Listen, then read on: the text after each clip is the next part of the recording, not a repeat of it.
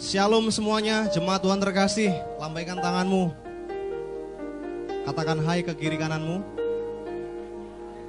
Hai jemaat Tuhan yang ibadah di rumah hari ini.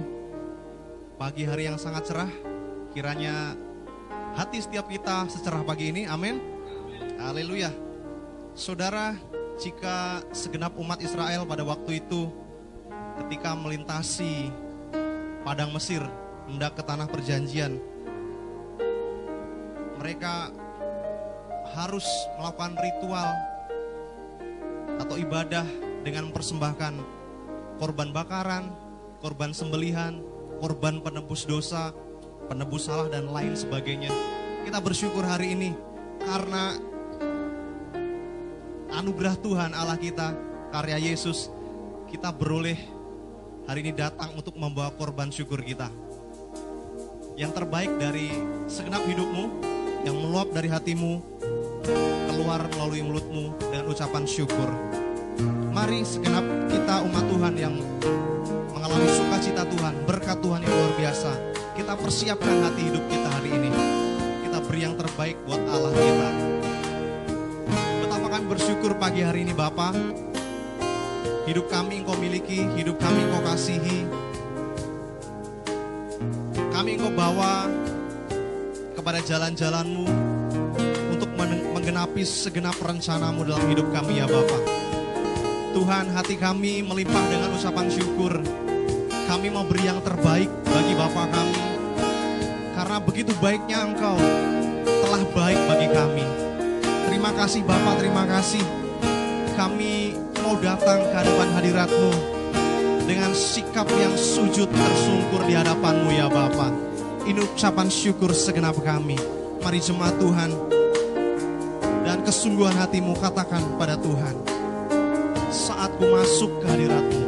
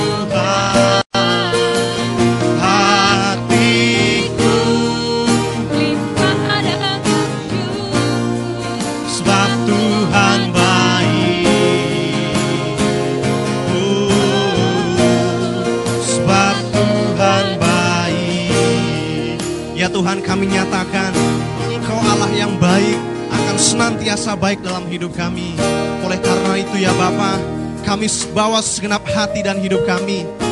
Datang sujud di hadapanmu. Ini ya dapat kami persembahkan di hadapanmu hari ini ya Bapa. Yaitu korban syukur. Korban syukur yang terbaik meluap dari hati kami. Haleluya Yesus kami mau datang Dengan sikap hormat bersyukur padamu. Mari jemaat Tuhan saya undang bangkit berdiri. Katakan pujian kita dari awal saat ku masuk. Haleluya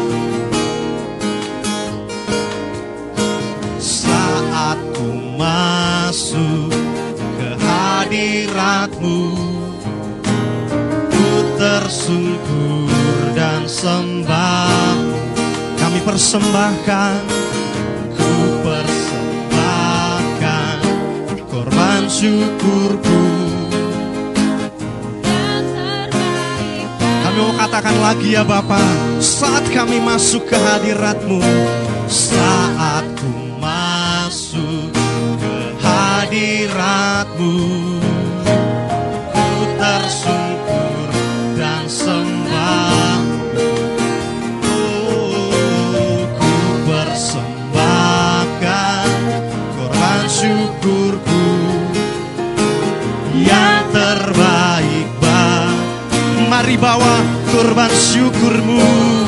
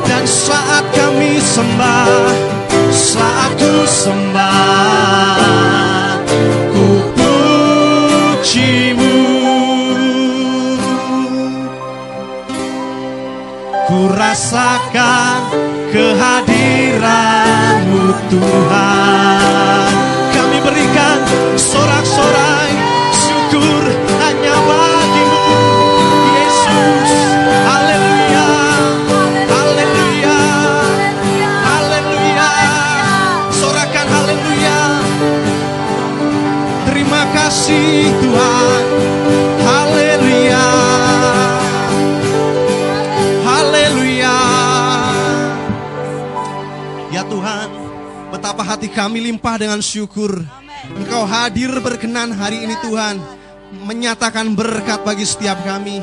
Terima kasih Bapak, terima kasih. Kami mau lebih lagi ya Bapak, meninggikan panjimu, meninggikan nama Yesus di atas segala nama. Hanya di dalam namamu Tuhan kami bersyukur, kami siap bersorak. Haleluya, katakan. Amin. Berikan sorak-sorai sekali lagi. Berikan tos kiri kanan. Siap beri yang terbaik. Mari hari ini kita bersuka. Karena apa saudara? Karena kebaikan Tuhan dalam hidup kita. Pribadi lepas pribadi. Haleluya. Kami kan bersuka karena kebaikanmu atas hidup kami Tuhan.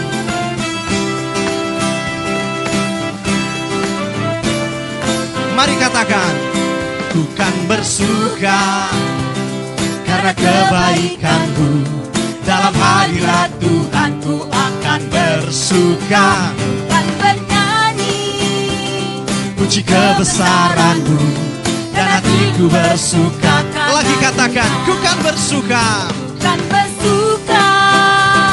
Karena kebaikanmu dalam hadirat Tuhan. Ku akan bersuka. Ku kan bernyanyi. Puji kebesaranmu dan hatiku bersuka. Karena dikatakan katakan Rahmatnya baru bagiku setiap hari. Anugerahnya limpah bagiku. Oh, oh. Dia ganti duka dengan sukacita Dan kain kabungku. Gantikan tarian Haleluya. Amin saudara. Setiap hati kita bersuka karena kebaikan Tuhan. Biarlah hanya kebaikan Tuhan yang kita ingat dan kita ingat yang senantiasa biar memuatkan hati dan hidup setiap kita.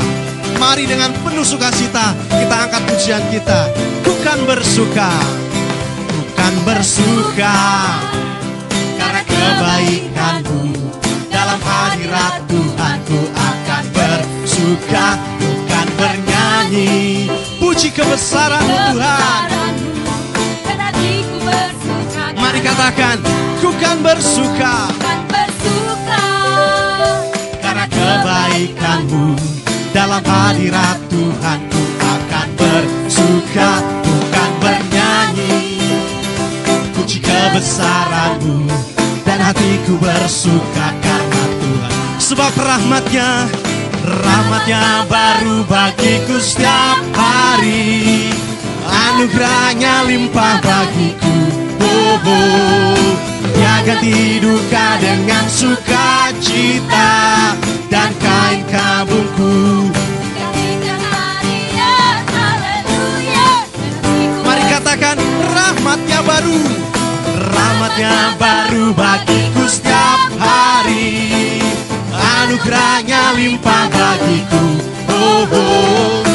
Dia ganti duka dengan sukacita Dan kain kabungku Digantikan tarian Haleluya.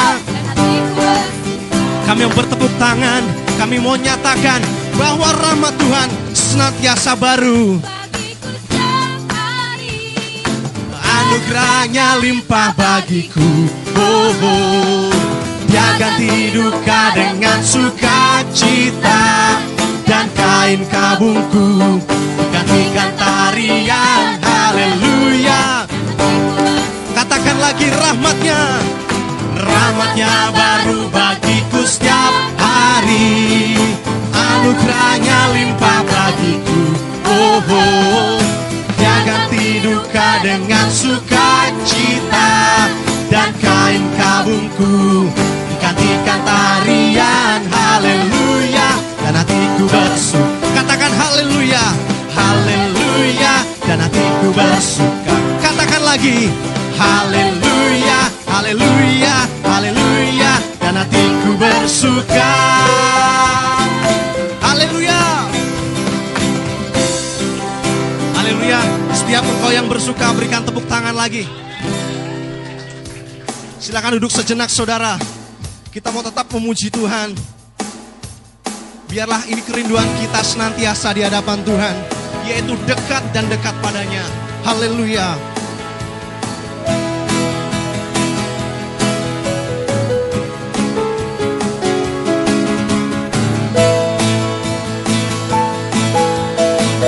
Satu hal yang ku pinta Satu hal yang ku pinta Ini yang ku ingini Berada dekatmu Saksikan kemurahanmu Satu hal yang ku mau Ingin yang ku ingini.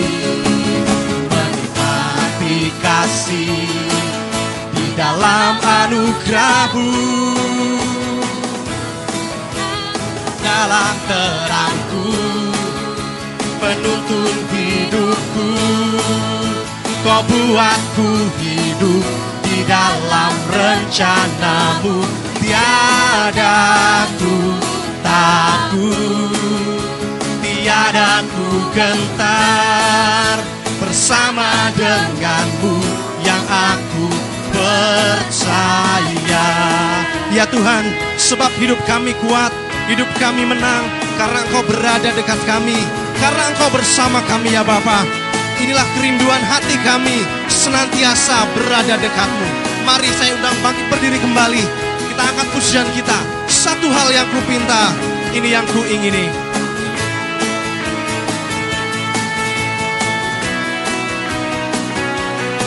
Satu hal yang ku pinta, ini yang ku ingini berada dekatmu saksikan kemurahanmu satu hal yang ku tahu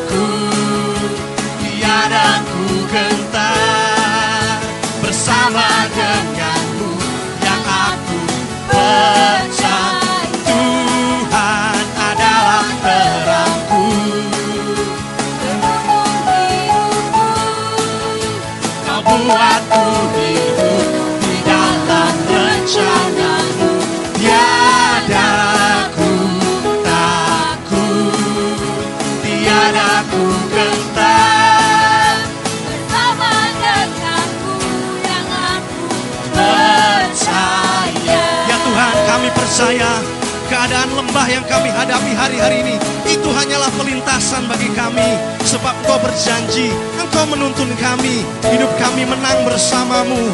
Kami mau nyatakan Tuhan adalah terang dalam hidup kami. Yang kau rindu adalah kami berada dekatmu dan itu juga kerinduan kami senantiasa. Haleluya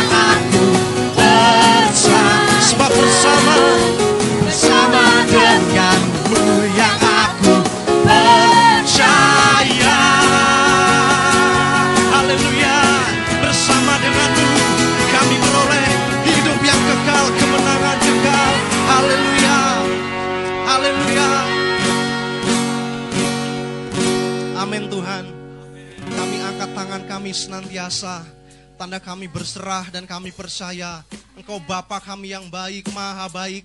Engkau senantiasa ada bagi hati kami, hidup kami ya Bapa. Terima kasih Bapak, terima kasih. Sebab kerinduanmu ya Bapa Kami memasuki rencana yang kau inginkan dalam kehidupan kami. Bahwa hidup kami kau inginkan tak terpisah dari jalanmu ya Bapa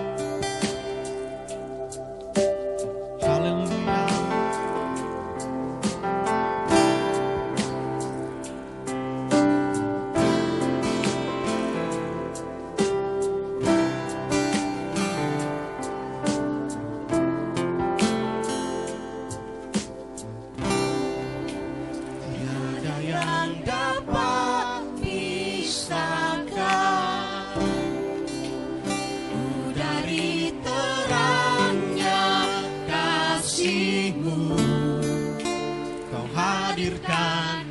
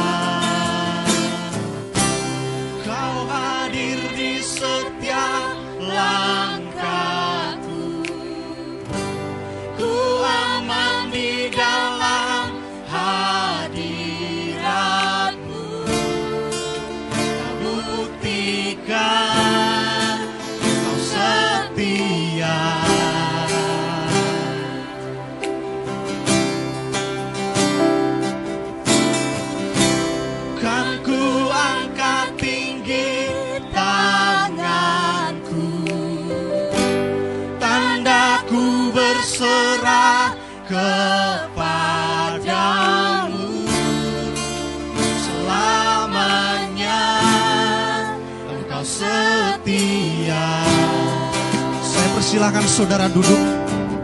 Kita nikmati hadirat Tuhan.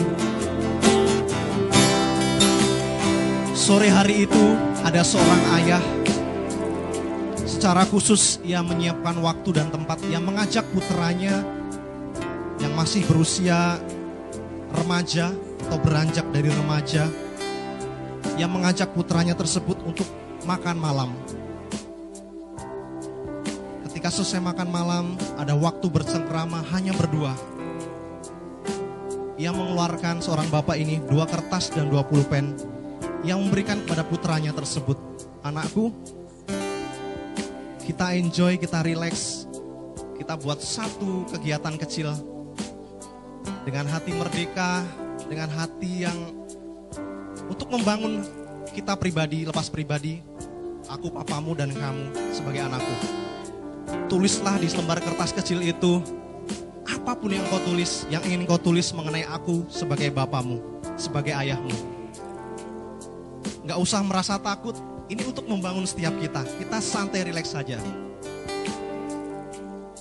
Singkat cerita mereka mulai menulis, anaknya menggunakan waktu kesempatan itu untuk mengungkapkan segala isi hatinya. Ia menulis begitu banyak yang menjadi keadaan hatinya hari-hari ini. Setelah selesai saudara, mereka saling bertukar kertas itu. Sang bapak dapat giliran pertama untuk membuka kertas dari anaknya. Begitu banyak surahan hati dari anaknya yang ia merasa tidak beruntung seperti anak yang lain. Aku pernah disakiti oleh papa dan segala macam. Dan ayahnya membaca tersebut dengan hanya tersenyum karena hati bapak itu sudah merdeka. Giliran sang anak, sekarang anakku, bukalah kertas dari papa. Dengan takut sang anak, apa yang ingin papa sampaikan kepada aku? Dengan sangat kaget ketika ia melihat kertas itu, ternyata hanya kosong saudara. Ternyata tadi bapak itu hanya berpura-pura menulis saja. Dan ia sampaikan kepada anaknya, Anakku, apa pun keadaanmu, aku mengasihimu. Aku tidak mengingat segala keburukanmu di belakang. Aku mengasihi engkau anakku. Dengan penuh haru sore hari itu, malam hari itu, mereka saling berpelukan. Mereka menguatkan satu dengan yang lain. Dan dengan kejadian itu, sang anak tidak malah menjadi memanfaatkan keadaan itu. Namun hatinya senantiasa kuat, dibangkitkan, dipulihkan dalam kehidupan dia sehari lepas hari ke depan. Saudara, itulah gambaran kecil dari Bapak kita di surga. Meskipun jika dibandingkan jauh saudara. Tapi Bapak kita mengasihi kita. Segala apa pun keburukan kita, ia tidak mengingat. Hanya kertas yang kosong yang ia berikan pada kita. Mari angkat tanganmu hari ini. Hanya pribadimu kepada Bapa. Angkat pujian ini. Tiada yang dapat pisahkan aku darimu ya Bapa. Haleluya. Haleluya.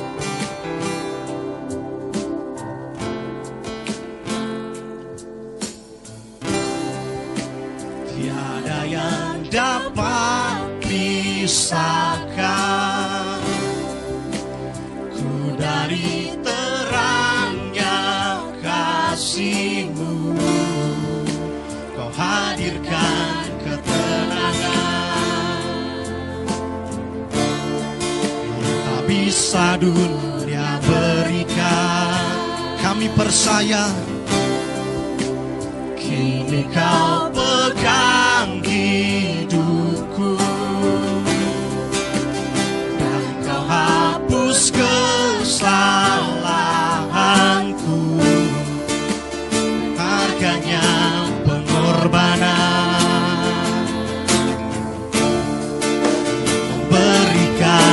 keselamatan.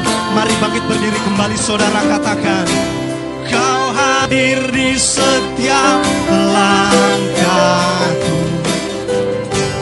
Ku aman di dalam hadiratmu.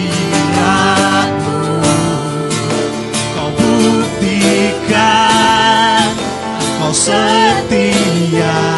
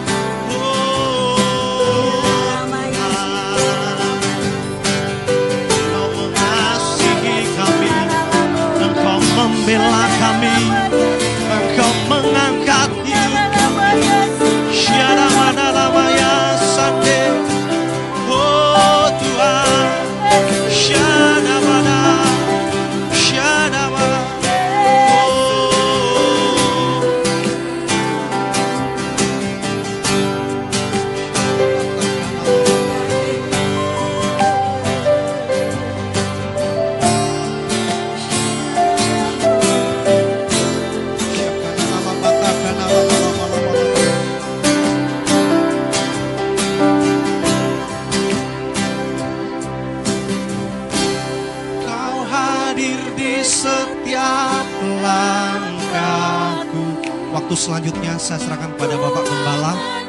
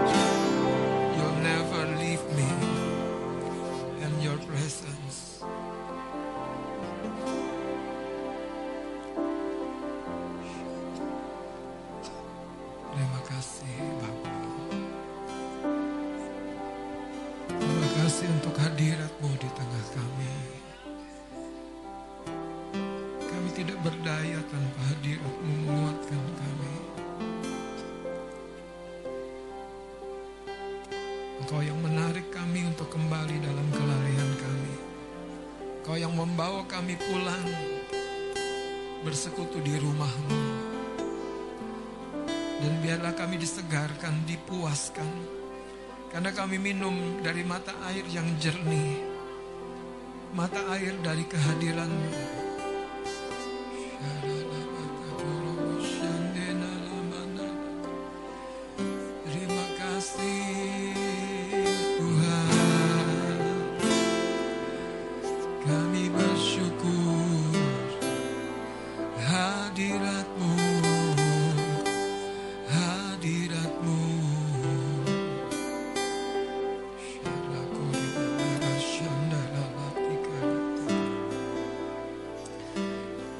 Masing-masing di tempatmu berbicara kepada Tuhanmu. Dia yang setia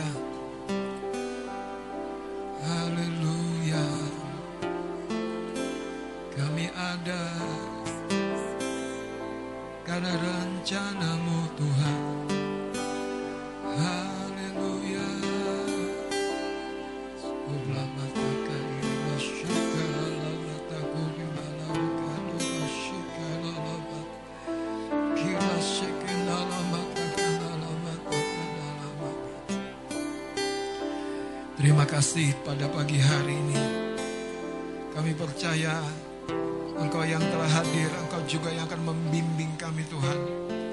Mengalami kasih kemurahan-Mu dan keajaiban-Mu. Firman-Mu selalu mampu Tuhan untuk mengubahkan kami. Engkaulah terang di jiwa kami. Engkaulah pengharapan di dalam pertandingan yang hari-hari ini kami harus lewati dan hadapi. Kami mengucap syukur karena kemenangan selalu Engkau sediakan bagi kami. Kami terima kemenangan itu. Kami terima Tuhan pertolongan itu. Kami terima keajaiban itu. Di dalam nama Tuhan Yesus Kristus. Semua yang siap mendengar firman Allah sama-sama katakan. Amin, amin, amin. Beri tepuk tangan bagi Tuhan Yesus. Puji Tuhan. Silakan duduk kekasih-kekasih Tuhan. Mari kita akan lihat dari Yohanes pasal yang ke-21. Saudara, bagian yang penting untuk kita terus waspadai dalam perjalanan kita adalah dalam perjalanan rohani kita adalah jangan sampai kita kehilangan kelaparan dan kehausan rohani. Ya. Karena itu yang juga nanti akan membuat kita uh, merasa puas di satu titik. Itu yang membuat kita kehilangan hasrat atau passion untuk mencapai yang terbaik yang Tuhan memang rencanakan buat hidup kita. Siapa pun kita, Tuhan tidak pernah merancangkan engkau dan saya dalam satu konsep yang sederhana sekali, terlalu kecil, bahkan tidak berarti, tidak bernilai, tidak pernah, saudara. Karena dia sendiri yang berkata bahwa bagian terlemah, bagian terkecil dari tubuh itu justru bagian yang sangat diperhatikan, sangat diperhatikan. Nah, bahaya kehilangan kehausan dan kelaparan rohani kita. Hari ini kita belajar satu tema merasa puas yang semu, kepuasan yang semu. Kita akan lihat dari dari kitab Mazmur terlebih dahulu pasal yang ke-63 nanti baru kita akan lihat kitab Yohanes ya. Mazmur 63 ayat yang pertama dan kedua. Mazmur 63 ayat yang pertama dan kedua. Kita akan baca bersama-sama. Yang di depan kita bisa baca ya ayat yang pertama dan kedua Mazmur 63 23. Mazmur Daud ketika ia ada di padang gurun Yehuda. Ya Allah, engkaulah Allahku. Aku mencari engkau. Jiwaku haus kepadamu, tubuhku rindu kepadamu. Seperti tanah yang kering dan tandus tiada berair. Ini ungkapan Raja Daud dikatakan, Ya Allah, engkaulah Allahku, aku mencari engkau, aku mencari engkau. Ada satu upaya Daud untuk menjumpai Tuhan. Dalam hidup ini selalu akan ada tantangan, penghalang saudara. Dan itulah perubahan-perubahan yang memang Tuhan izinkan supaya engkau dan saya bertumbuh dari satu tahap kerohanian tertentu mencapai sebuah tahap kerohanian yang lebih tinggi lagi, lebih baik lagi. Itu sebabnya ketika engkau dan saya mengalami tantangan-tantangan ini pastikan hal yang paling esensi yang kita belajar pada minggu lalu kita tidak boleh kehilangan kehausan, kelaparan rohani kita. Karena itu yang membuat saudara akar sebuah tumbuhan akan menerobos bebatuan yang keras, tanah yang keras dan mencari di mana dia dapat uh, air. Itu yang membuat engkau dan saya juga akan menembus musim-musim dan waktu-waktu yang rasanya begitu berat. Tapi engkau akan mengalami Tuhan di masa-masa seperti itu. Haleluya. Daud berkata, Ya Allah, engkaulah Allahku. Begitu pribadi sekali. Begitu personal sekali Daud menempatkan Tuhannya. Dia berkata, Ya Allah, engkaulah Allahku. Aku mencari engkau. Bahkan Daud berkata, jiwaku haus kepadamu, tubuhku rindu kepadamu seperti tanah yang kering dan tandus tiada berair. Berapa jauhnya kita sudah melangkah dalam pertemuan rohani kita sekali lagi tergantung bagaimana kelaparan dan kehausan kita. Seberapa besar kelaparan dan kehausan kita untuk mengalami Tuhan. Ada sebuah cerita yang menarik ketika murid Tuhan yang bernama Simon Petrus gagal dalam proses pertumbuhannya. Kita lihat sekarang dalam Yohanes pasal yang ke-21. Ini cerita yang kalau kita baca berulang-ulang kita akan terinspirasi dengan kesetiaan Tuhan. Petrus bukan gagal satu dua kali, berkali-kali. Petrus bukan gagal pada satu tingkat kegagalan yang biasa. Satu ujian yang sangat menentukan ketika Yesus ditangkap dan diadili. Dan gagal. Saudara kegagalan-kegagalan seperti ini seberapa jauh mematahkan semangat kita. Pada waktu kita mau melakukan yang baik, kita tergoda melakukan yang tidak baik. Mungkin kau berkata, aku memang gak bisa berubah.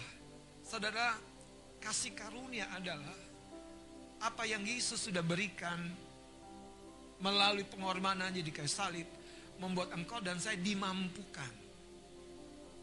Karena itu nanti kita akan belajar satu prinsip yang sederhana. Apa yang membuat kita tidak terhubung? Karena kita tidak punya lapar dan haus lagi. Kita terhubung dengan yang namanya roh agamawi. Yaitu apa? Kewajiban-kewajiban sebagai orang Kristen. Itu roh agamawi. Saudara kalau Anda membawa korban persembahan, Anda terhubung dengan sumber berkatmu yang memberi engkau kemampuan untuk membawa kembali korban. Engkau tahu, engkau membawa itu bukan karena sebuah kebiasaan ibadah, membawa persembahan, tapi engkau membawanya dengan rasa syukur yang dalam. Amin. Engkau memberinya dengan satu passion, gairah untuk menyenangkan Tuhan. Kalau ibu-ibu masak di rumah, engkau hanya ya kewajiban sebagai seorang istri di rumah masak. Orang bilang sudah nggak ada cinta lagi masaknya. Saudara mungkin ini ungkapan yang umum ya, kan udah biasa. Isi saya di rumah pagi-pagi bikin teh, bikin kopi. Saudara, satu perbuatan yang sederhana. Tapi sekali lagi saudara, kita adalah makhluk-makhluk yang hidup. Kita bukan robot, pijit tombol keluar, kopi dan teh. Pijit tombol keluar dari kantong Anda bawa korban persembahan. Pijit tombol keluar dari lidah bibir Anda, mulut Anda, nyanyian pujian. Kapan kita keluarkan dari sebuah upaya untuk menyenangkan Tuhan? Dari kedalaman hati, dari kedalaman rasa, dari kedalaman rasa kasih kita. Saudara beda. Bahkan di titik tertentu, engkau mungkin akan seperti Hana, wanita mandul yang berdoa di bait Allah, yang hanya berkomat kamit mulutnya, tapi di kedalaman jiwanya dia sedang berbicara kepada Allahnya itu. Makanya Daud, ya Allah, ya Allahku. Itu satu ungkapan yang begitu dekat. Kekasih-kekasih Tuhan, saya mau beritahu. Zakheus tidak teriak-teriak di atas pohon ara, dia panggil Yesus. Zakheus tidak teriak-teriak. Dia tidak bikin kehebohan. Dia hanya lari mendahului rombongan Yesus dan melihat ada sebuah pohon ara dan naik ke atas pohon ara itu karena badannya pendek terhalangi orang untuk lihat Yesus di antara kerumunan orang banyak dan dari atas pohon itu dia ngebatin.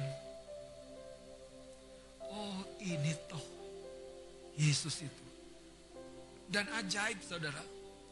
Yesus menengok ke atas ketika dia dekat dengan pohon itu. Zakheus turun.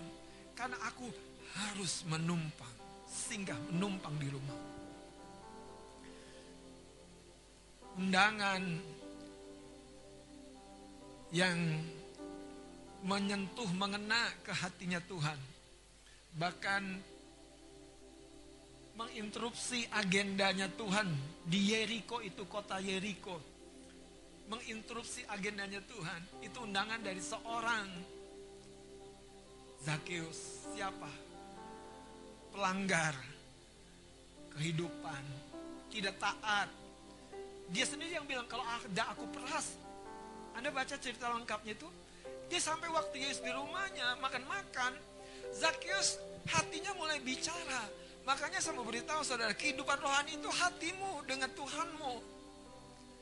Ketika Yesus makan dan banyak orang-orang Farisi, orang-orang agamawi, orang-orang yang dengan jubah agamanya itu me- me- me- menilai Yesus, apakah dia tidak tahu dia sedang duduk makan dengan orang-orang jahat?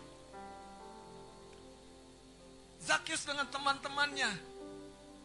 Zakheus itu kepala pemungut cukai. Jadi dia undang staf-stafnya. Dan staf-stafnya ini orang yang secara langsung, di lapangan. Yang selalu ya main belakang. Cara-cara yang tidak jujur yang membuat orang banyak dirugikan. Tetapi ketika orang-orang Farisi itu ngomongin kalian itu. Hati berbicara dengan hati. Anda pernah didekati seorang polisi? Langsung rasa ya, apa yang salah ya? Apa yang salah ya? Kalau lagi kita berkendaraan, di sana ada apa namanya razia ya, betul nggak? Langsung, eh, si masih hidup nggak, Mas Grace? saya pernah loh menuju Depok, masih jauh saya lihat. Saya pernah. Dan memang SIM-nya lagi mati, saudara. Menuju Depok, langsung saudara belok kanan masuk ke kampung-kampung di Pamulang, di Sawangan itu. Kalau teman-teman yang tahu menuju Depok itu lewat Sawangan. Sejak itu bertobat. Saudara tahu nggak sih? Itu yang ngomong tuh di sini. Ada yang nggak beres loh.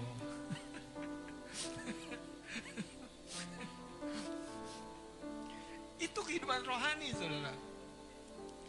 Itu yang bisa kan membuat kita merasa kelegaan, ke, apa kelepasan. Jadi bukan karena sebuah jari yang menunjuk kepada kita, bukan, tapi karena kita membuka hati. Zakheus berdiri di hadapan eh, di tengah-tengah orang banyak itu dan berkata kalau ada orang yang aku peras, aku akan kembalikan. Wow, beri tepuk tangan bagi Tuhan Yesus. Kemarin kan waktu istri saya khotbah, siapa yang pernah berbohong? Angkat tangan. Sunyi senyap anak-anak. Semua kita kemarin dress code-nya baju apa? Wah putih, bersih, clean, putih. Baju putih. Ada satu anak angkat tangan, maju ke depan. Ibu gembala tanya, apa bohongnya? Iya, waktu itu di bawah selimut. Dia nonton di handphonenya itu. Itu dia supaya nggak ketahuan bahwa dia masih melek, masih nonton YouTubean gitu di bawah selimut sementara orang tuanya nggak tahu. Dan ketika dia cerita itu, ada seorang anak lain yang ngobrol-ngobrol dengan dengan kami dengan istri saya. Ih kakak itu hebat ya. hebat apanya? Hebat berani malu. Saudara ternyata begini, ada sebuah prinsip. Ini prinsip yang bagus. Ngaku sekali, malu sekali. Nggak ngaku lama, malu terus. Betul apa betul? Ngaku sekali, malu sekali. Tapi kalau di sini udah dikasih tahu, tuh, tuh. Eh kita nggak ngaku. Besok ketemu lagi, merasa lagi. Besok ketemu lagi, merasa lagi.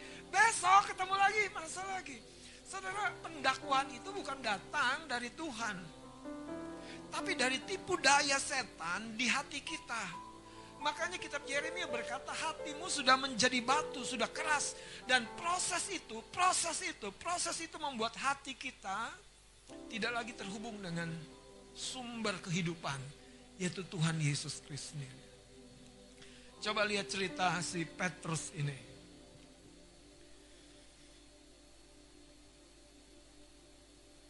Yohanes pasal 21. Ayat yang pertama, kemudian Yesus menampakkan diri lagi kepada murid-muridnya di pantai Danau Tiberias dan ia menampakkan diri sebagai berikut. Gantian baca ayat 2.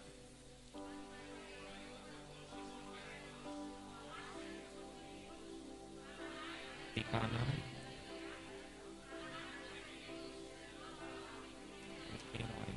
Saudara dalam cerita ini menarik ya di pantai itu berkumpul Simon Petrus, Thomas yang disebut Didimus, Nathanael dari Kana dan sekarang kita lihat ayat 3-nya saya baca ya.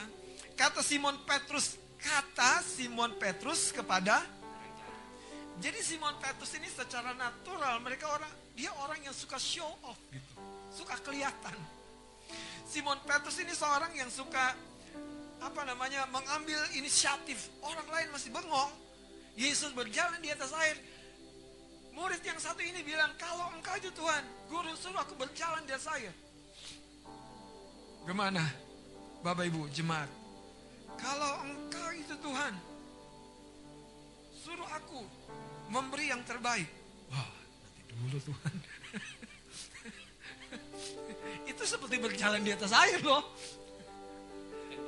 yang di tangan Anda waktu itu, yang di pikiran Anda waktu itu, pengen beli baju Natal.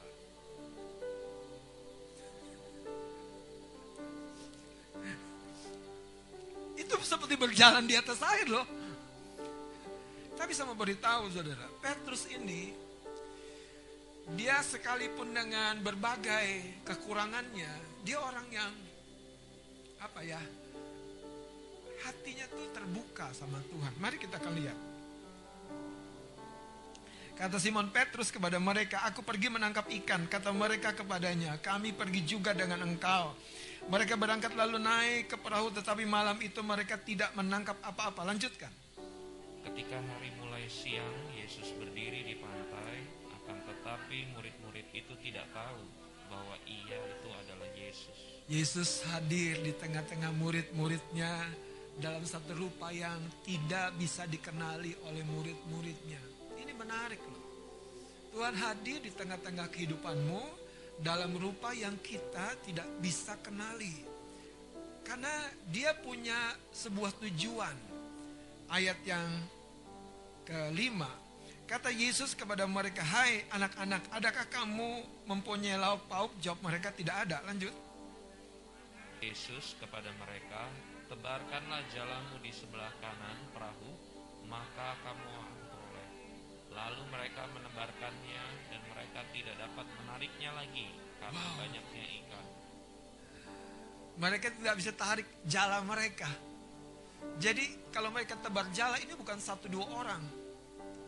Mereka nggak bisa tarik jala mereka karena begitu banyaknya ikan. Ayat 7 kita baca terakhir. Maka murid yang dikasih Yesus itu berkata kepada Petrus, itu Tuhan. Ketika Petrus mendengar bahwa itu adalah Tuhan, maka ia mengenakan pakaiannya. Sebab ia tidak berpakaian. Lalu terjun ke dalam danau. Saudara, menarik ya cerita ini. Petrus seorang yang sudah menyimpan sebuah rasa yang namanya kegagalan. Kapan Anda merasa gagal? Dan rasa itu tersimpan begitu dalam. Saya mau beritahu saudara. Tuhan mampu untuk terus membawa engkau. Tidak berhenti pada titik kegagalan itu. Dia mampu dan dia mau. Masalahnya adalah ketika kita kehilangan rasa haus dan lapar kita kepada dia. Kita akan kehilangan momen di mana kita bisa melihat dia ada. Dia tetap ada sekalipun kita tidak lihat. Dan momen-momen yang spesial itu bahkan menarik. Tuhan tidak bicara Injil, Tuhan tidak bicara kebenaran. Tuhan tanya, apakah kamu punya lauk pauk? Tuhan tanya sesuatu yang relevan dengan pencaharian mereka sepanjang malam dan tidak ketemu. Apakah kamu punya lauk pauk? Tuhan kita, dia Tuhan yang mengambil wujud dalam rupa manusia. Dan dalam rupa manusianya itu dia paling dalam, paling mengerti. Bukan hanya kebutuhan lahiriah, tapi kebutuhan jiwamu. Karena ketika jiwamu itu tidak dapat suplemen, tidak dapat makanan, jiwamu itu akan merongrong seluruh keberadaan dirimu, termasuk tubuhmu. Mereka yang patah semangat, mereka yang kecewa, mereka yang down, mereka yang cenderung akan terus-menerus terpukul kalah dalam hidup mereka. Gak berani memulai peluang yang baru. Gak berani memulai hubungan yang baru. Gak berani membuat sebuah rencana yang baru. Karena sudah ada sebuah keyakinan yang palsu yang namanya tidak mungkin aku berhasil. Tidak mungkin aku setia. Tidak mungkin aku sukses. Padahal seperti Mas Kris bilang, waktu sang Bapa kasih tunjuk kertas tulisannya, tidak ada yang dia tulis tentang kesalahan dan pelanggaran kita, tentang kegagalan kita. Saudara, ketika Yesus menemukan Simon Petrus yang muda, Simon Petrus yang arogan, Simon Petrus yang kalau boleh saya bilang seperti batu hitam kasar yang belum berbentuk, dia tahu butuh kesabaran, butuh waktu, butuh proses, dan butuh yang namanya penerimaan. Tidak ada dosa yang paling parah seperti yang Daud lakukan. Kalau Anda baca ceritanya. Mengambil istri orang, membunuh suaminya. Siapa Daud? Yang menulis Mazmur 63. Dosa seperti apa yang sembilan bulan tidak insaf, tidak aware, tidak tertemplak di batinnya. Dosa seperti apa di batinnya Daud mengambil isi orang sampai ketika anaknya, anak hasil hubungan jahat itu kena tulah. Baru saudara dia mulai aware, aku sudah melanggar, aku sudah jatuh. Hati seorang penyembah pun bisa bisa mengalami kerusakan yang seperti Daud alami. Tapi berita anugerah lebih daripada semuanya itu. Daud dibawa pulih kembali. Daud dibawa sembuh kembali. Daud dibawa kembali kepada destinasinya. Itu sebabnya sama beritahu saudara. Kalau hari ini engkau sedang berbelok karena masalahmu dari tujuan Tuhan dalam hidupmu. Engkau sedang kompasmu tidak bisa engkau kendalikan. Karena engkau sudah tiba-tiba kehilangan sebuah semangat, kehilangan sebuah inspirasi, kehilangan sebuah motivasi. Dan engkau menjadi seorang yang terjadi, terjadilah. Sama beritahu saudara, Tuhan belum selesai dengan hidupmu. Tepuk bawah kanan kirimu katakan Tuhan belum selesai dengan hidupmu. Apa pun yang orang lain katakan. Tuhan belum selesai dengan hidupku. Ada beberapa orang berkata, Om, aku mah gak mungkin om. Orang tua aku udah begini. Kakek nenekku juga begini. Itu sebabnya aku jadi begini. Pernah gak Anda dengar begitu? Dalam hal sakit penyakit, dalam hal kelemahan. Ada beberapa orang yang berkata, Om, aku nggak, aku mah nggak pernah mungkin bisa. Masalahnya sederhana sih. Makan kelewat terus takarannya. Aku memang dari sononya begitu. Saya kami kemarin eh, ketemu dengan sepasang anak Tuhan. Kami diundang untuk ngobrol-ngobrol sebetulnya. Dan ketika ngobrol-ngobrol, wah, puji Tuhan, keluarga ini diberkati. Termasuk potongan bapaknya itu turun juga ke anaknya. Saya langsung ingat ya, eh rasanya sama juga gitu ya. Turun juga ke dari saya ya.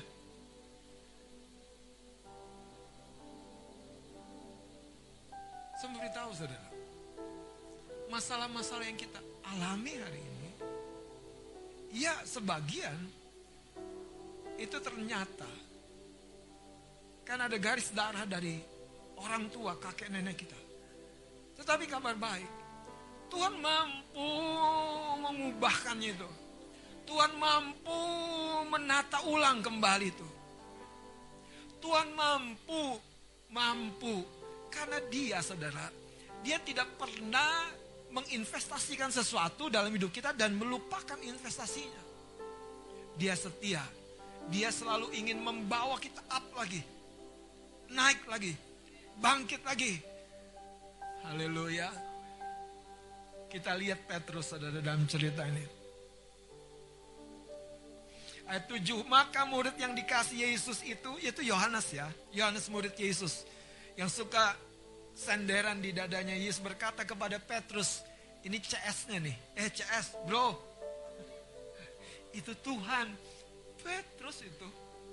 Saudara, waktu dengar Yohanes yang ngomong, yakin. Yakin. Karena dia tahu Yohanes dekat dengan gurunya nih. Nah waktu Yohanes ngomong, bro, itu Tuhan. Coba lihat saudara, ketika Petrus mendengar bahwa itu adalah Tuhan, maka ia mengenakan pakaiannya sebab ia tidak berpakaian lalu terjun ke dalam danau.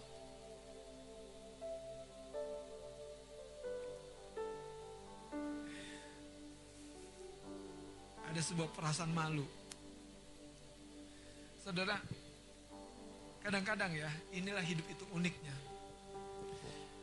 Di pikiran kita tuh suka melintas banyak hal. Dari mana? Dari dalam. Dari dalam.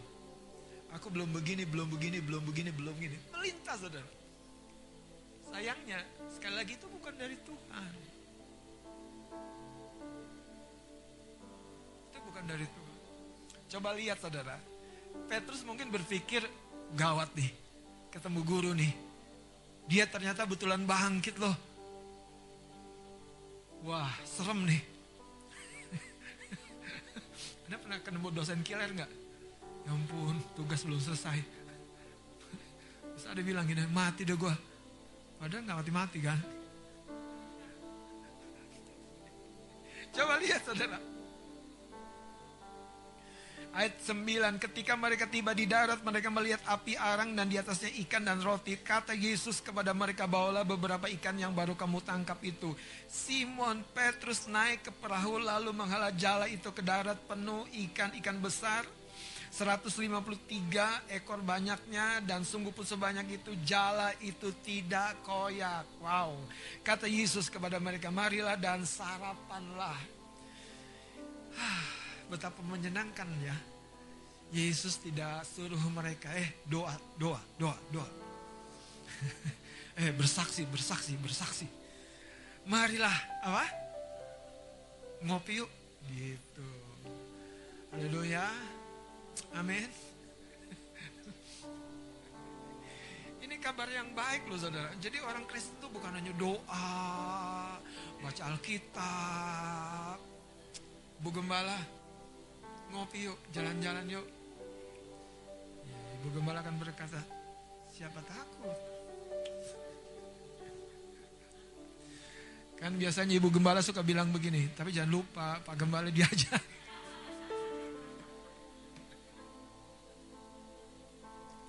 Coba lihat saudara ayat 12 ini, ayat 12 ini begini saudara. Yesus bukan hanya mengenal kekosongan mereka yang semalaman gak dapat ikan.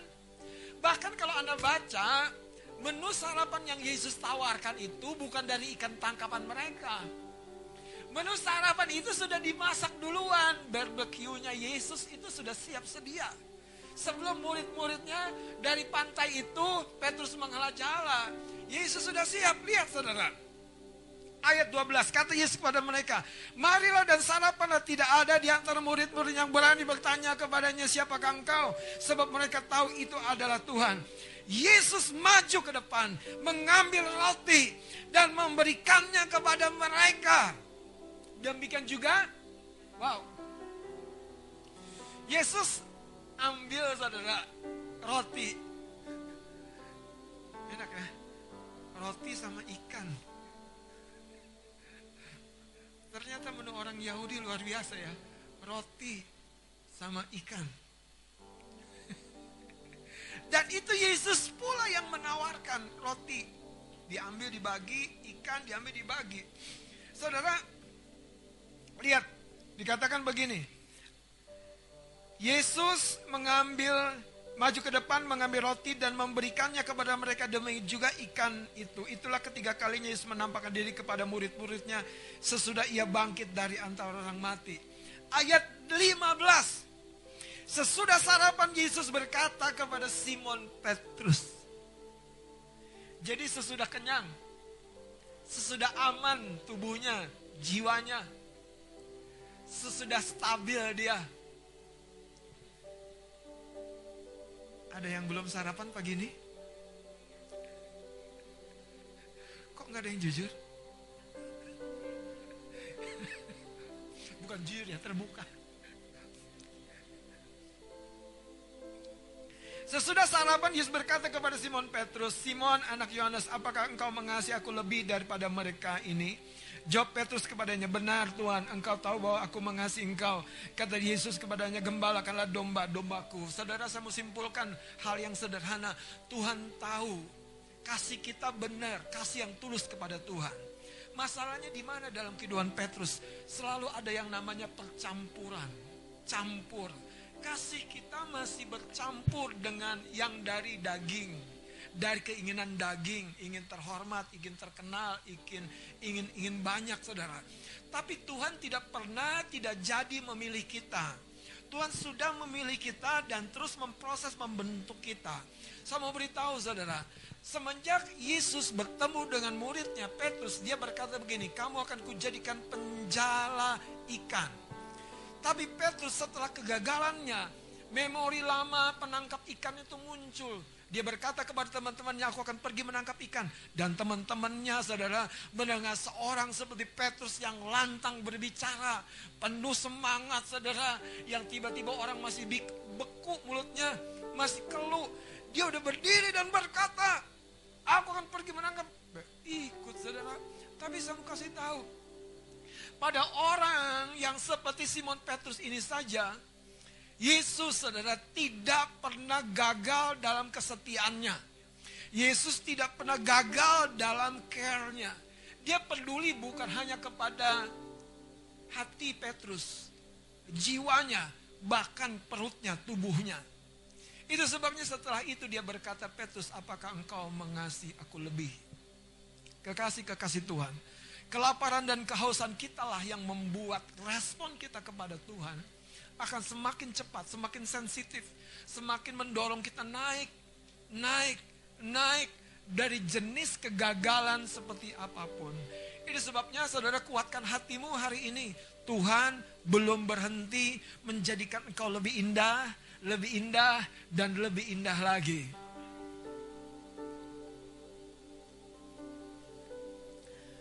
Kitab Yohanes ini, Yohanes pasal 21 dan 22, itu itu saudara kalau kita lihat ya. Pasal 21 kita lihat saudara. Ayat yang bagian-bagian yang terakhir.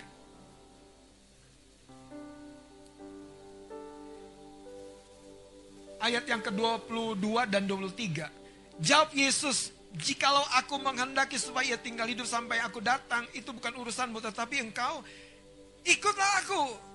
Ada sebuah perjalanan maka tersebarlah kabar dan seterusnya. Saudara, Petrus ketika dia pulih, dia bisa tanya-tanya, dia bisa mendalami hatinya Tuhan. Dan dalam cerita ini saudara, kalau kita baca dengan clear, Tuhan memperlakukan sama kepada semua murid-muridnya.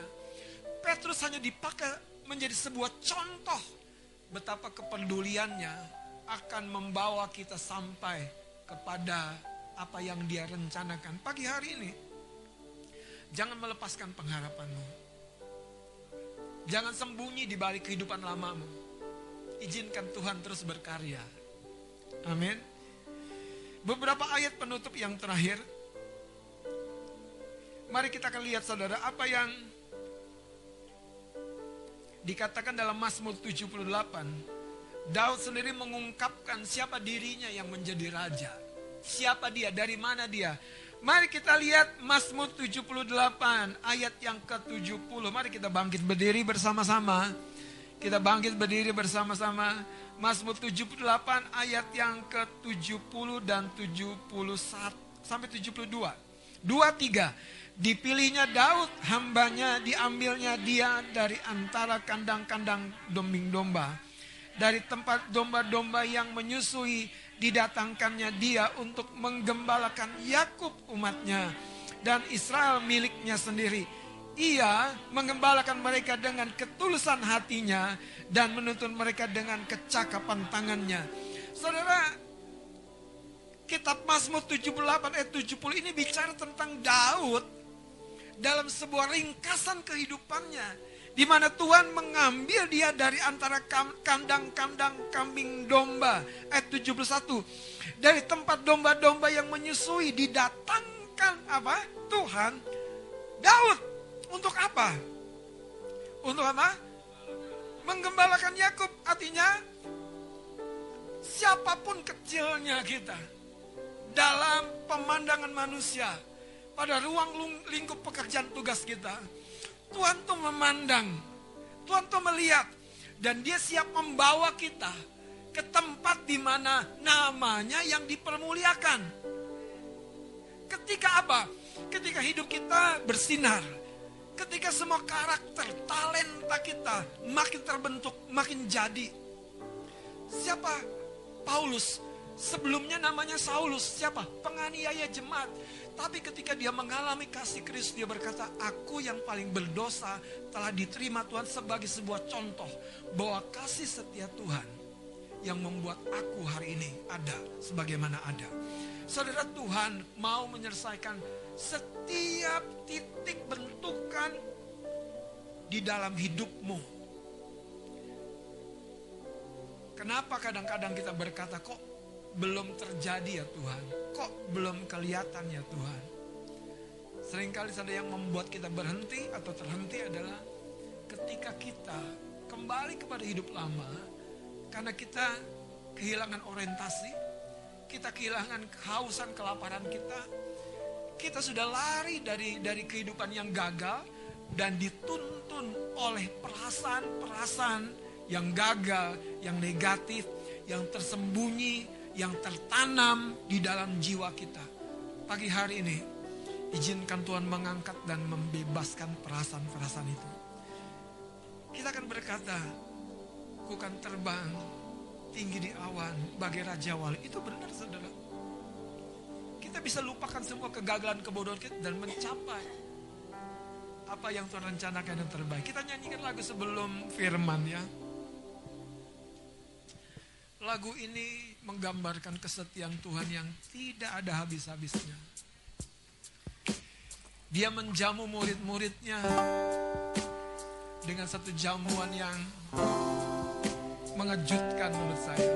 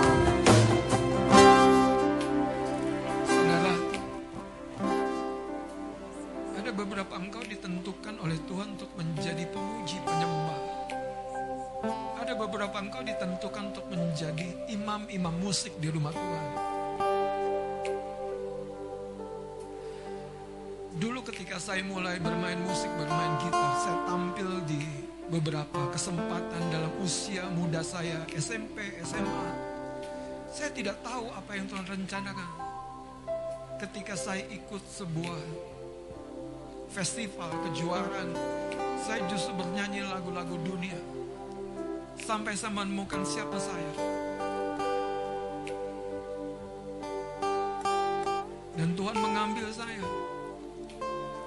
melalui sebuah proses-proses yang sederhana. Saya tahu saya seorang pemuji penyembah. Saya seorang pemusiknya Tuhan. Kadang-kadang di hati kita kita rasa aku nih rindu sekali bersaksi.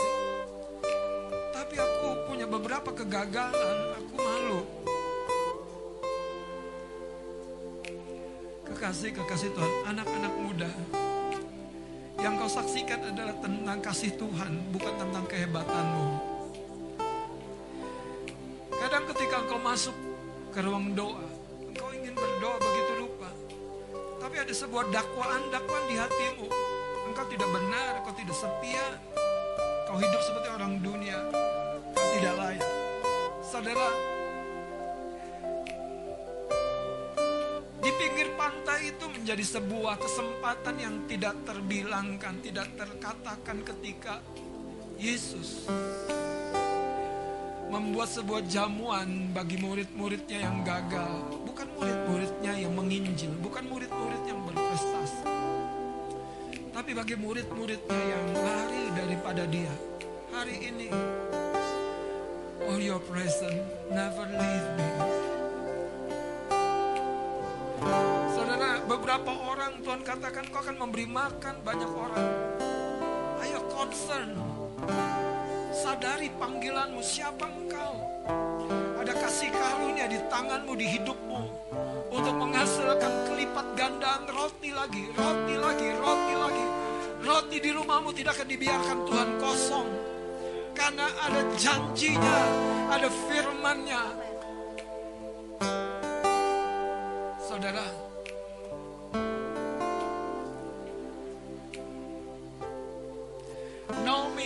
Marah dengan orang-orang yang memanggil namanya Naomi. Dia berkata, panggilkan aku marah, artinya pahit. Jangan panggil aku Naomi. Saudara, Tuhan belum selesai.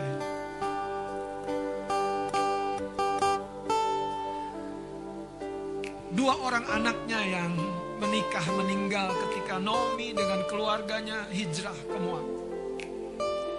Tapi dari sana Tuhan bawa kembali Naomi melihat kehidupan dari seorang wanita yang tidak terduga. Lahirlah, lahirlah keturunan-keturunan berikutnya sampai kepada sang juru selamat. Bukankah dia ajaib? Satu kali seorang bapak berjumpa dengan saya dan ngobrol-ngobrol.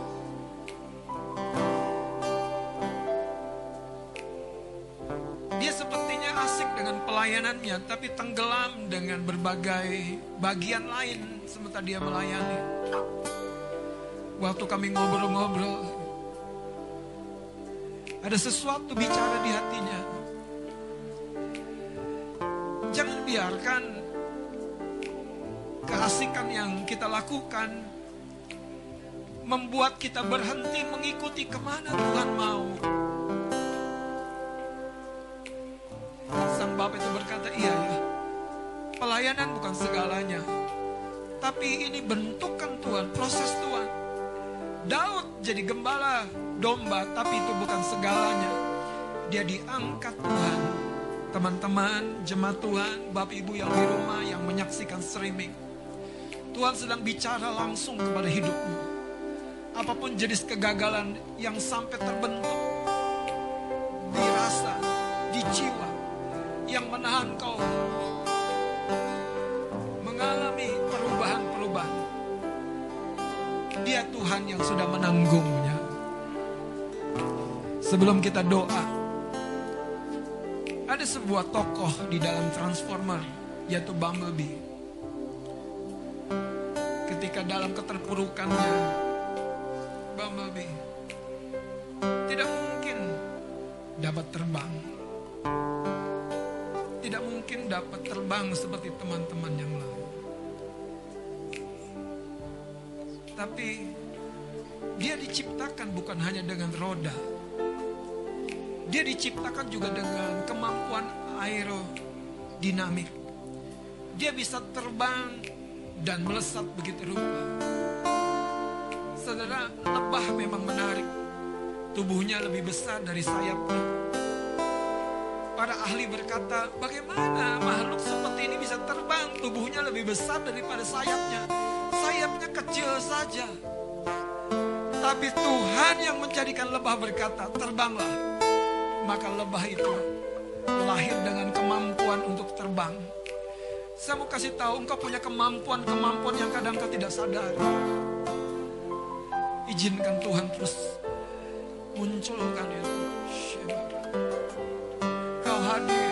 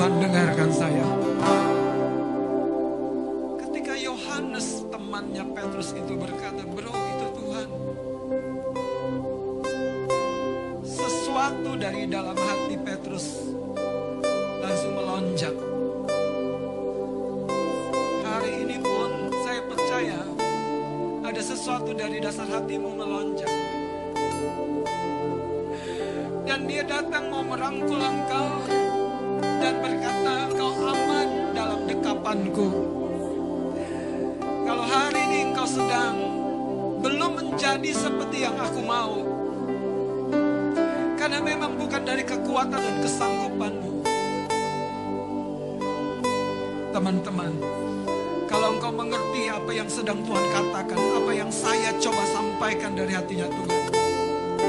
Siapa pun engkau, kalau engkau menangkap sesuatu, sekarang taruh tangan kananmu di hatimu. Taruh tangan kananmu di hatimu.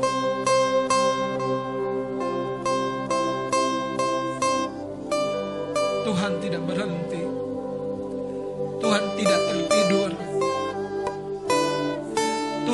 Melupakan perbuatan tangannya. Tuhan tidak pernah melupakan kekasih-kekasih hatinya.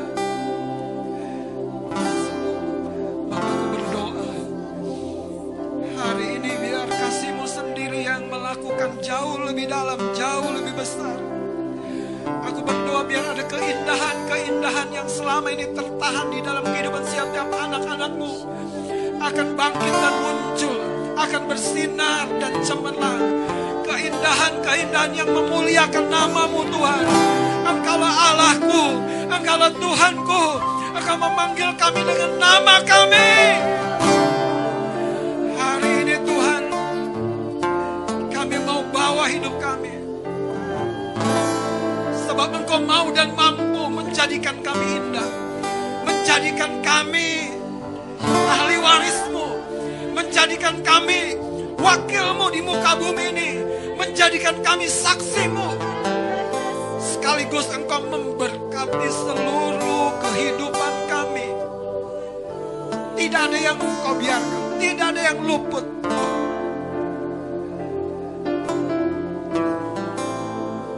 di tempatmu berdiri, mari ikuti doa saya dengan lembut. Tuhan Yesus, pribadi dengan Engkau. Engkau yang paling mengenal hidupku.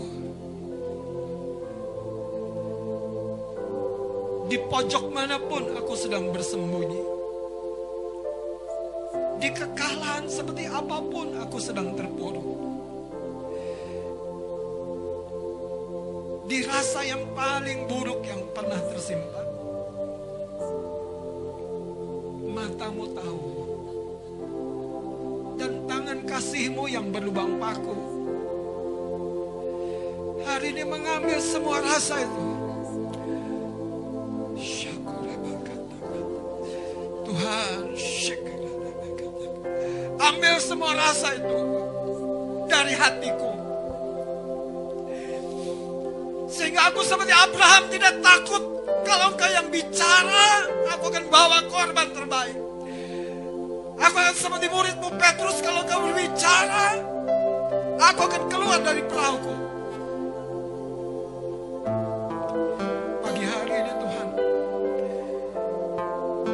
aku mau sembuh, aku mau pulih, aku mau mengejar destiniku, aku mau mencapai siapa diriku. Kalau dunia berkata aku bukan siapa-siapa, engkau yang berkata aku anakku, aku ahli warismu. Siang hari ini, biar kasihmu memenuhi hatiku, memenuhi hatiku. Sekarang Tuhan, di dalam nama Yesus, di dalam nama Yesus, di dalam nama Yesus, di dalam nama Yesus, di dalam nama Yesus. Jenis kegagalan apa pun hari ini dihapuskan dalam nama Yesus. Jenis patah semangat, kekalutan, kekelaman apa pun dibasuh dalam nama Yesus.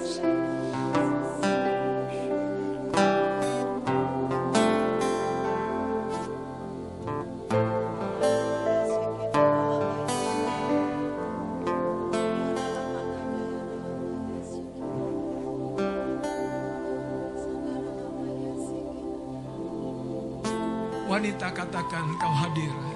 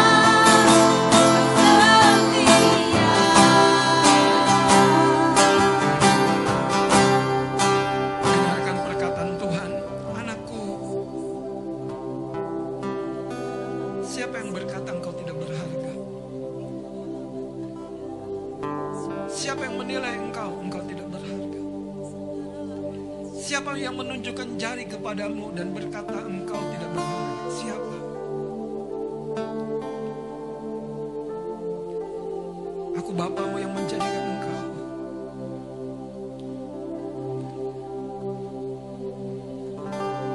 Aku yang mengenal engkau sejak sebelum engkau ada bahkan. Aku mengetahui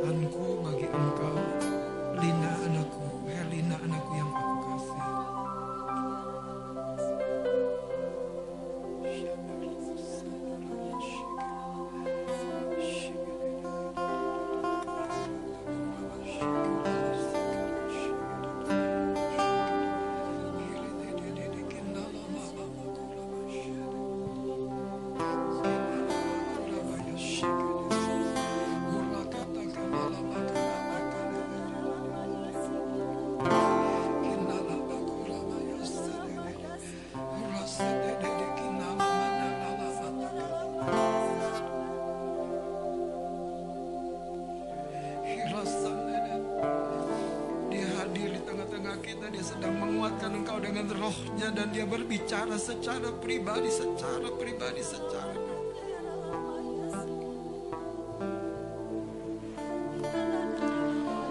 Perkataan Tuhan juga datang bagi engkau Billy, anakku yang aku kasih. Terkadang kau lari untuk menghindar dari sesuatu. Engkau sedang lari dan berusaha menghindar dari apa yang sesungguhnya di hatimu terus mendorong. Menaruhkan itu. Tuhan berkata, aku yang menaruhkan itu. Aku menaruhkan hati seorang pelayan di hidupmu. Billy anakku yang kasih. Aku juga yang membuat engkau dan menjadikan engkau, melatih engkau supaya hidupmu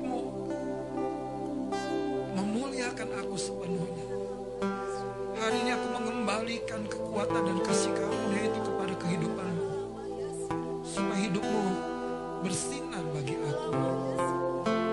Demikian perkataanku datang bagi engkau, Billy anakku yang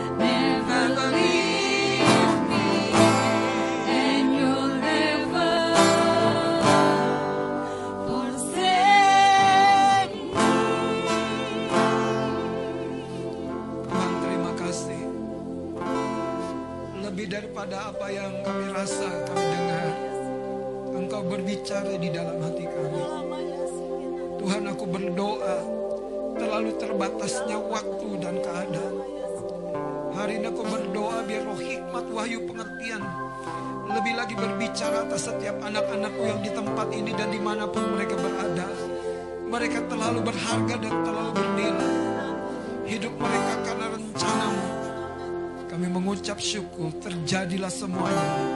Haleluya, semua kita yang percaya katakan sama-sama. Amin, amin. Puji Tuhan. Silakan duduk kekasih-kekasih Tuhan.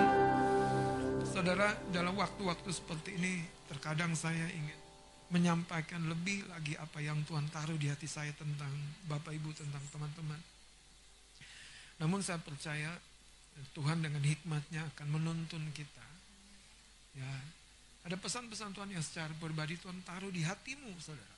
Terkadang ketika saya menyampaikannya, saya cuma mengkonfirmasi apa yang Tuhan sendiri bicara. Tuhan tidak bicara langsung kepada Petrus, tapi ketika Yohanes berbicara, itu meneguhkan apa yang Petrus sudah rasakan. Saya berdoa di rumah Tuhan kita mengalami sebuah apa namanya hubungan yang baru dengan Tuhan. Sekali lagi saudara yang menuntun kita mengalami Tuhan itu hati kita, kelaparan dan kehausan kita. Bukan uh, apa yang namanya kebiasaan agama kita, kebiasaan agamawi kita. Itu sebabnya Latih terus saudara datang kepada Tuhan itu dengan rasa lapar dan haus akan dia. Amin. Kasih tahu dong kanan kirinya sekarang engkau berharga dan mulia. Amin. Tuhan memberkati.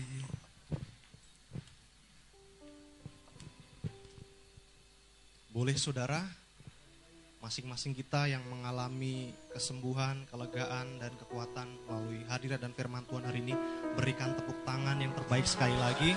Haleluya. Puji nama Tuhan. Baik saudara, selanjutnya akan ada pengumuman uh, mengenai informasi kegiatan gereja kita sepekan ke depan. Kita sama-sama saksikan pengumumannya akan ditayangkan melalui uh, eh, LCD saudara.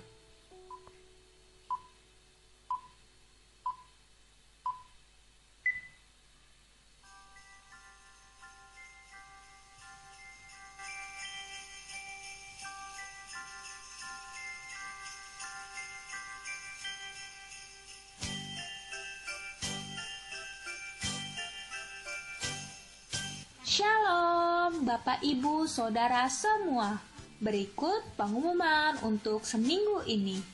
Natal GPI Kemah Pujian akan dilaksanakan di hari Minggu, tanggal 19 Desember 2021, pukul 4 sore di gereja kita Graha Kencana. Selama beribadah, tetap mengikuti protokol kesehatan ya. Jangan lupa, untuk dress code kita warna pastel bisa bermotif atau polos. Untuk jemaat yang beribadah di rumah dapat mengikuti melalui live streaming di Facebook GPI Kemah Pujian. Sampai jumpa semua. Tuhan Yesus memberkati. Yang berantusias semangat menyambut perayaan Natal kita. Haleluya. Jangan lupa jam 4 sore saudara, bukan jam setengah 10 seperti biasanya. Oke, kita semangat sama-sama. Amin. Sebentar kita akan memberikan persembahan. Mari persiapkan persembahanmu. Saya undang petugas yang bertugas hari ini. Persembahan hari ini dilakukan dua kali saudara. Kantong warna biru akan dikelola untuk sarana ibadah. Dan bagi jemaat Tuhan yang akan memberikan e, persembahan persepuluhan setelah kantong persembahan diedarkan dapat maju memberikan kepada ke dalam kotak. Kita berdoa bersama-sama. Tuhan kami bersyukur atas segala kebaikanmu, kami terima berkatmu, kami terima segala yang baik daripadamu dalam kehidupan kami ya Tuhan. Hari ini kami menyatakan syukur kami, kami memberikan persembahan kami lahir dari ucapan syukur kami yang terbaik atas segala berkat Tuhan dalam kehidupan kami. Terima kasih Bapak, terima kasih. Biarlah persembahan ini menyenangkan hatimu, persembahan ini dapat dikelola untuk menjadi uh, namamu semakin dimuliakan, semakin dimuliakan melalui gerejamu tempat ini ya Bapak. Terima kasih segenap pelayanmu yang bertugas hari ini, segenap pelayanmu yang mengelola persembahan, Tuhan berkati, Tuhan berkati dengan melimpah-limpah. Hanya di dalam nama Yesus kami siap memberi. Haleluya. Amin. Selamat memberi saudara. Kita sembarikan persem- memberikan persembahan, kita angkat pujian kita. Kita sama-sama belajar satu pujian. Sakjeke aku nderek Gusti, uripku tansah diberkahi. Ada translitnya saudara, jangan khawatir. Haleluya. Sama-sama katakan. Sakjeke aku nderek Gusti, uripku tansah diberkahi. Atiku ayem tentrem,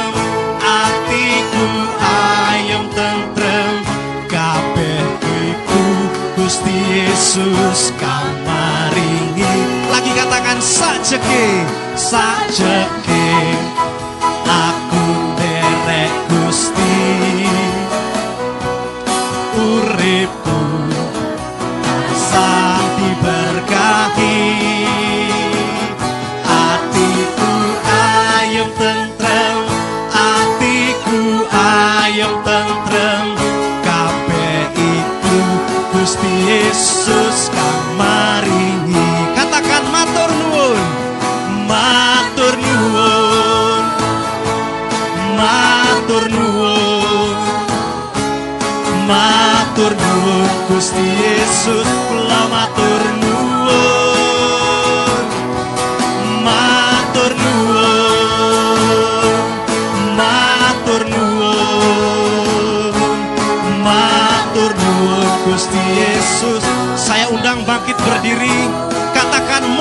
sami nderek Gusti. Sami nderek Gusti. Monggo sami nderek Gusti. Gusti Yesus juru wilujeng. Monggo monggo. Lagi katakan monggo sami nderek Gusti. Monggo sami nderek Gusti.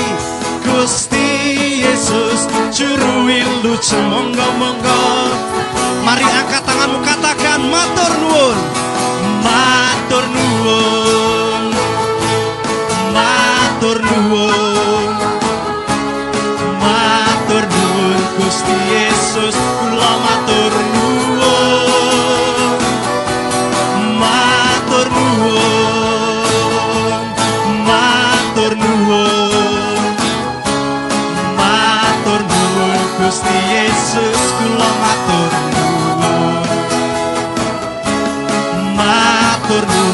Gusti Yesus kula matur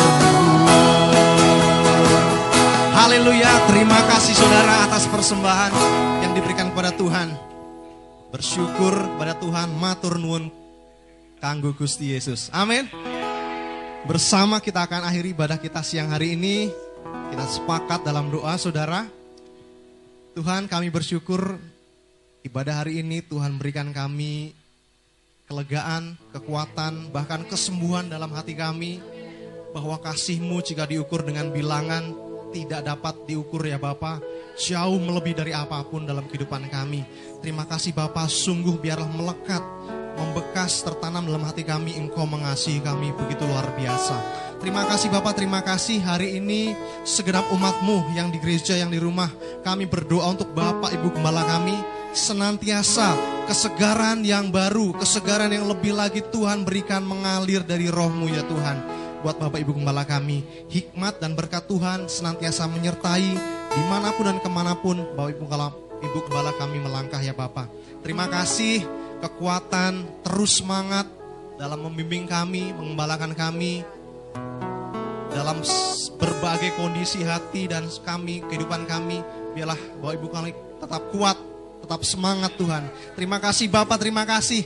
Dan Tuhan kami berdoa untuk segenap umatmu di GPI Kemah Pujian, Jemaat lama, jemaat baru, semuanya tanpa ter- terkecuali ya Bapak. Ada kebangunan rohani yang kami terima, kemenangan demi kemenangan yang kami terima dalam keuangan, dalam kesehatan. Kami terima kesembuhan dalam kehidupan kami Tuhan dalam nama Yesus. Terima kasih Bapak, terima kasih. Bahkan kami yang lemah, kami semakin kuat di dalam Engkau. Kami yang mengalami kekurangan, kami Tuhan berikan kelimpahan di dalam nama Yesus. Dan Tuhan kami berdoa ada extra blessing terjadi dalam gerejamu di tempat ini ya Bapak. Kami berdoa untuk bangsa kami Indonesia, ada daerah demi daerah yang mengalami bencana. Kami berdoa ada kekuatan daripada Tuhan mengalir pada setiap daerah demi daerah yang mengalami bencana ya Bapak. Tuhan menolong mereka yang mengalami musibah. Memberkati setiap pemerintah kami Tuhan. Yang ada di Indonesia ini Bapak, ada kebijaksanaan dan roh takut akan Tuhan menyertai para pemimpin kami.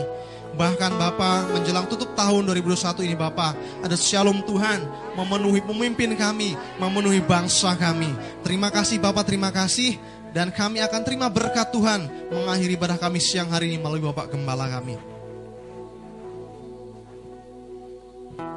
Dialah sumber segala yang baik yang kita perlukan.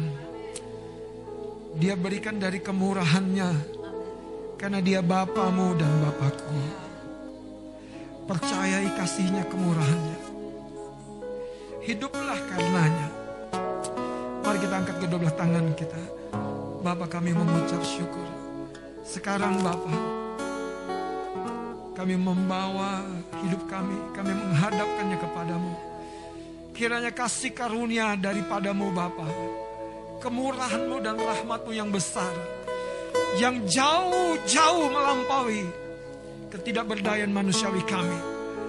Kekuatan yang baru kau berikan, dan kiranya cinta kasih, pengorbanan, kesetiaan Tuhan Yesus Kristus yang telah dinyatakannya dan di dalam persekutuan Roh Kudus turun menyertai berlimpah-limpah menguatkan membangkitkan kami berjalan terus dalam rencanamu. Mulai hari ini sampai selama-lamanya Maranatha Tuhan Yesus datang pada kali yang kedua. Di dalam nama Yesus Kristus semua kita yang percaya dan berkati katakan amin amin amin. Tuhan memberkati Selamat hari Minggu saudara, Tuhan Yesus memberkati.